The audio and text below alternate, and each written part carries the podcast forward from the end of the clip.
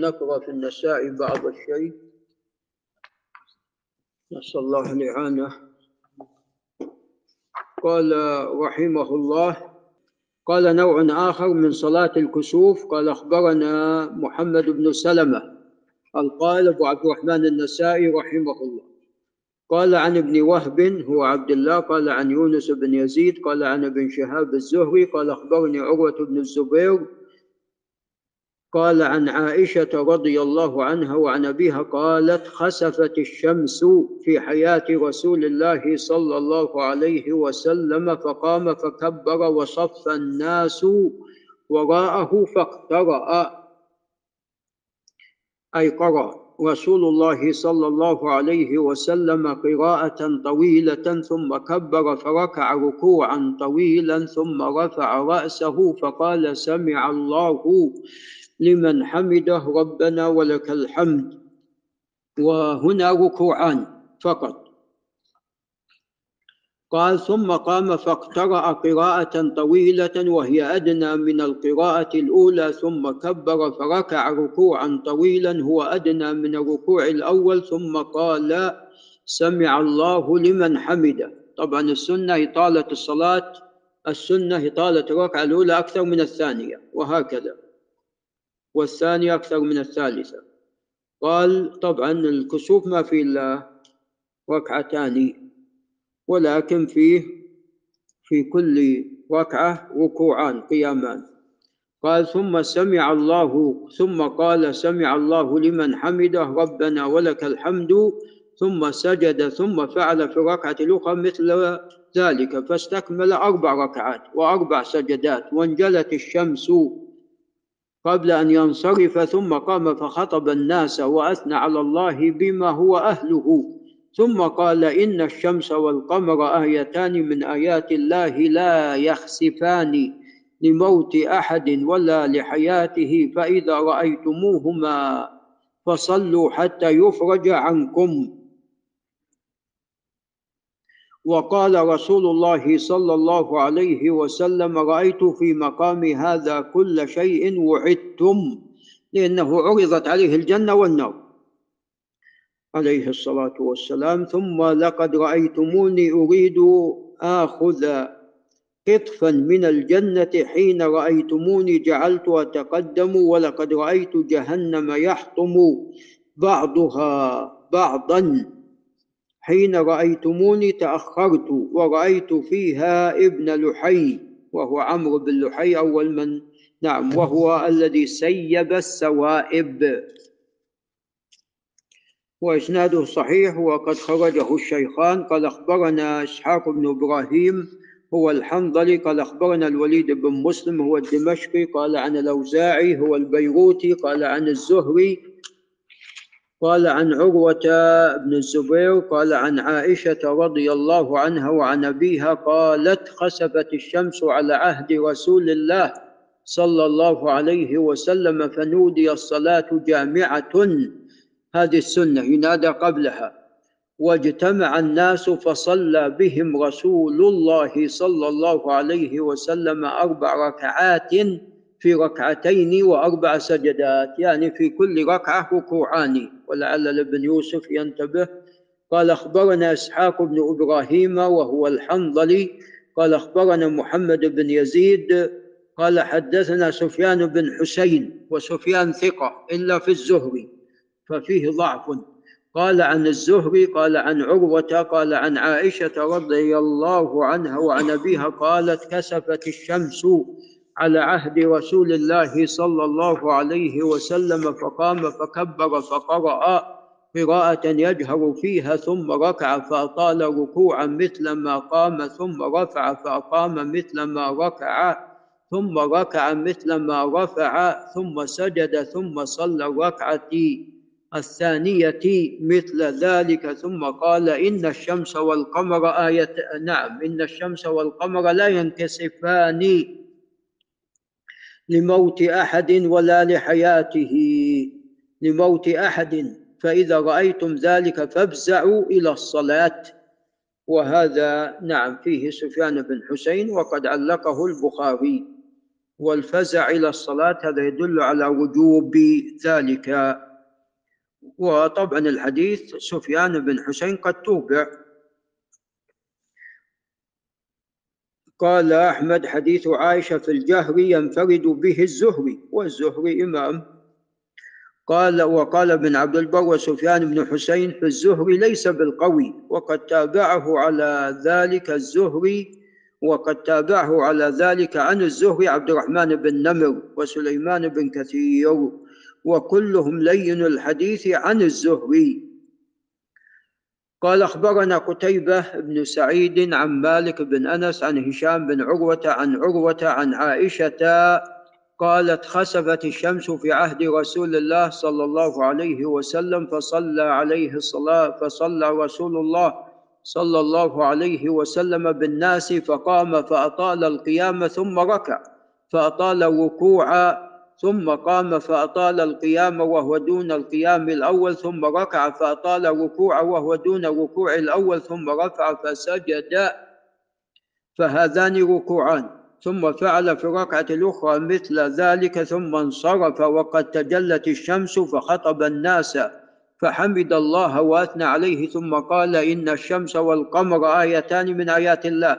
لا ينخسفان لموت أحد ولا لحياته فإذا رأيتم ذلك فادعوا الله وكبروا وتصدقوا. ثم قال يا أمة محمد عليه الصلاة والسلام ما من أحد اغير من الله أن يزني عبده أو تزني أمته. يا أمة محمد والله لو تعلمون ما أعلم لضحكتم قليلا ولبكيتم كثيرا.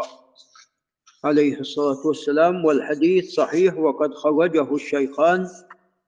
قال أخبرنا محمد بن سلمة المرادي المصري قال عن ابن قال عن ابن وهب هو عبد الله قال عن عمرو بن الحارث الأنصاري قال عن يحيى بن سعيد بن قيس الأنصاري قال عن عمرة الأنصارية حدثته أن عائشة رضي الله عنها حدثتها أن يهودية أتتها فقالت أجار أجارك الله من عذاب القبر؟ فقالت عائشة يا رسول الله إن الناس ليعذبون في القبور. فقال رسول الله صلى الله عليه وسلم عائذا بالله. قالت عائشة قالت عائشة إن النبي صلى الله عليه وسلم خرج مخرجا فخسفت الشمس فخرجنا إلى الحجرة فاجتمع إلينا النساء وأقبل إلينا رسول الله صلى الله عليه وسلم ضحوة فقام قياما طويلا ثم ركع ركوعا طويلا ثم رفع رأسه فقام دون القيام الأول ثم ركع دون وقوعه ثم سجد. ثم قام الثانية فصنع مثل ذلك إلا أن ركوعه, ركوعه وقيامه دون الركعة الأولى ثم سجد. وتجلت الشمس فلما انصرف قعد على المنبر فقال فيما يقول إن الناس يفتنون في قبورهم كفتنة الدجال. نعوذ بالله من ذلك. قالت عائشة وكنا نسمعه بعد ذلك يتعوذ من عذاب القبر وفتنة الدجال هي أعظم الفتن. فإذا فتنة القبر مثلها في العظم. نعوذ بالله. قال أخبرنا محمد بن إسماعيل قال حدثنا يحيى هو ابن أبي بكير وقد اختلف في محمد بن إسماعيل هذا هل هو البخاري ولا غيره؟ وهو ابن ابن أبي بكير أي يحيى قال حدثنا شيبان بن عبد الرحمن قال عن يحيى بن أبي كثير الطائي قال عن أبي حفصة مولى عائشة أن عائشة أخبرته أنه لما خسفت الشمس على عهد رسول الله صلى الله عليه وسلم توضأ وأمر فنودي إن الصلاة جامعة فقام فأطال القيام في صلاته فأحسبه قرأ سورة البقرة ثم ركع فأطال فأطال الركوع ثم قال سمع الله لمن حمده وقام مثل ما قام ولم يسجد ثم ركع فسجد ثم قام فصنع ما صنع ركع ركعتين في سجدة.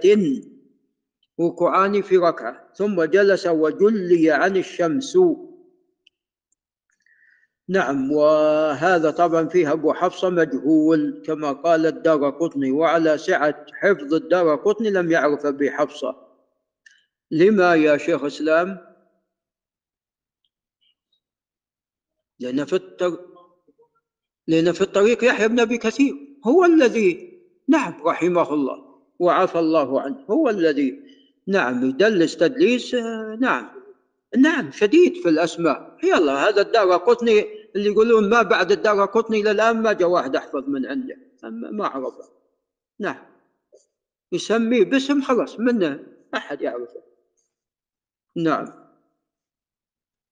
قال نوع آخر قال أخبرنا عمرو بن علي الفلاس قال حدثنا يحيى هو بن سعيد. قال حدثنا يحيى ابن سعيد الأول القطان والثاني بن قيس الأنصاري. قال سمعت عمرة الأنصارية. قال سمعت عائشة تقول جاءتني يهودية تسألني تسألني تسألني تطلب. فقالت أعاذك الله أعاذك الله من عذاب القبر. تقول لعائشة فلما جاء رسول الله صلى الله عليه وسلم قلت يا رسول الله هل يعذب الناس في القبور؟ قال عائذا بالله. فركب موكبا ثم ذكر كلمة معناها وانخسفت الشمس فكنت بين الحجر في نسوة. فجاء رسول الله صلى الله عليه وسلم من موكبه فأتى فصلى فصلى. فأتى مصلاه فصلى بالناس فقام فأطال القيام ثم ركع فأطال الركوع ثم رفع رأسه فأطال القيام ثم ركع فأطال الركوع ثم رفع رأسه فأطال القيام ثم سجد.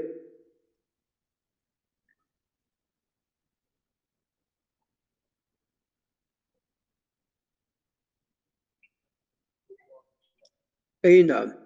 فنعم ثم سجد فأطال السجود ثم قام فقام قياما أيسر من قيامه الأول ثم ركع أيسر من ركوعه الأول ثم رفع رأسه فقام أيسر من قيامه الأول ثم ركع أيسر من ركوعه الأول ثم رفع رأسه فقام أيسر من قيامه الأول فكانت أربع ركعات وأربع سجدات ركوعان في في كل ركعة ركوعان. وانجلت الشمس فقال إنكم تفتنون في القبور كفتنة الدجال.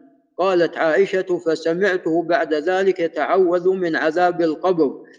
قال أخبرنا عبدة بن عبد الرحيم قال أخبرنا ابن عيينة قال عن يحيى بن سعيد قال عن عمرة عن عائشة أن رسول الله صلى الله عليه وسلم صلى في كسوف في صفة زمزم. أربع ركعات وأربع سجدات.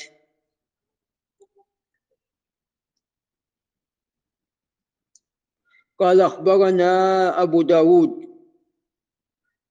قال حدثنا أبو علي الحنفي.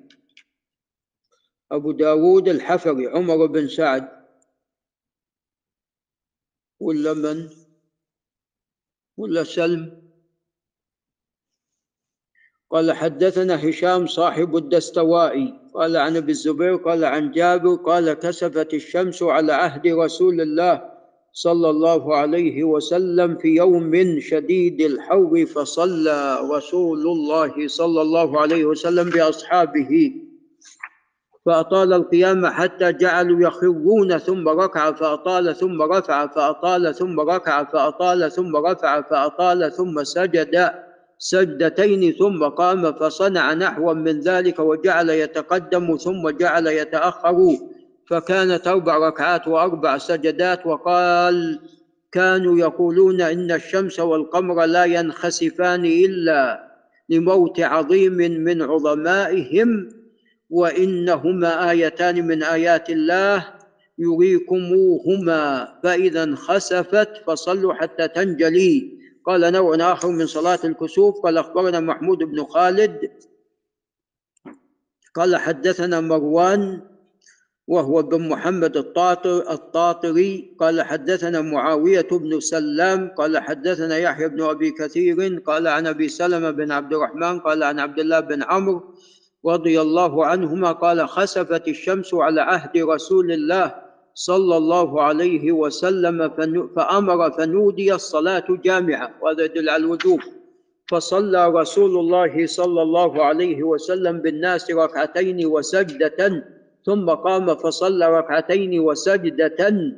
قالت عائشة ما ركعت ركوعا قط ولا سجدت سجودا قط كان أطول منه خالفه محمد بن حمير.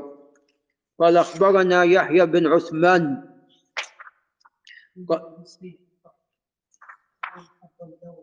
سليمان بن سيف الطائي بارك الله فيك.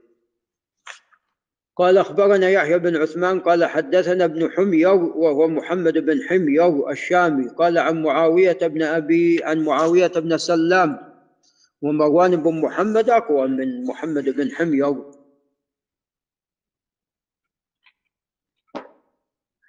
قال عن يحيى بن أبي كثير قال عن أبي طعمة واسمه نسير بن ذعلوق. عن عبد الله بن عمرو قال كسفت الشمس فركع رسول الله صلى الله عليه صلى الله عليه وسلم ركعتين وسجدتين. ثم قام فركع ركعتين وسجدتين. ثم جلي عن الشمس ثم جلي عن الشمس. وكانت عائشة تقول ما سجد رسول الله. صلى الله عليه وسلم سجودا ولا ركع ركوعا أطول منه خالفه علي بن المبارك. قال أخبرنا أبو بكر بن إسحاق قال حدثنا أبو زيد سعيد بن الربيع قال حدثني علي بن المبارك عن يحيى بن أبي كثير قال حدثني أبو حفصة مولى عائشة أن عائشة أخبرته أنه لما كسفت الشمس على عهد رسول الله صلى الله عليه وسلم توضأ وأمر فنودي إن الصلاة جامعة فقام فأطال القيام في صلاته. قالت عائشة فحسبت أن فحسبت قرأ سورة البقرة ثم ركع فأطال الركوع ثم قال هذا استدل به من استدل على أن القراءة كانت سرية. والأقرب والله أعلم أنها جهرية. قال ثم ركع فطال الركوع ثم قال سمع الله لمن حمد ثم قام مثل ما قام ولم يسجد ثم ركع فسجد ثم قام فصنع مثل ما صنع ركعتين وسجدة يعني في كل ركعة سجد ركوعات ثم جلس وجلي عن الشمس. قال أخبرنا محمد بن إسماعيل بن إبراهيم. نعم. لا لا لا حتى الذي اختلف فيه أيضا حتى جد إبراهيم. قال حدثنا يحيى لا كبار الحفاظ اختلفوا؟ أهل العلم اختلفوا. في هل هذا البخاري ولا غيره؟ قال حدثنا يحيى وهو ابن أبي بكير. قال أخبرنا شيبان بن عبد الرحمن. قال عن يحيى بن أبي كثير. قال عن أبي سلمة. قال عن عبد الله بن عمرو بن العاص. رضي الله عنهما أنه لما كسفت الشمس على عهد رسول الله صلى الله عليه وسلم نودي إن الصلاة جامعة فركع النبي صلى الله عليه وسلم ركعتين في سجدة ثم قام ثم ركع ركعتين في سجدة وجلي عن الشمس. ونوع منها. قال أخبرنا عمار بن الحسن قال حدثنا عبد الله بن أبي جعفر وهو الرازي عن أبيه عن ربيع بن أنس عن أبي عن أبي العالي عن أبي بن كعب. قال كسفت الشمس.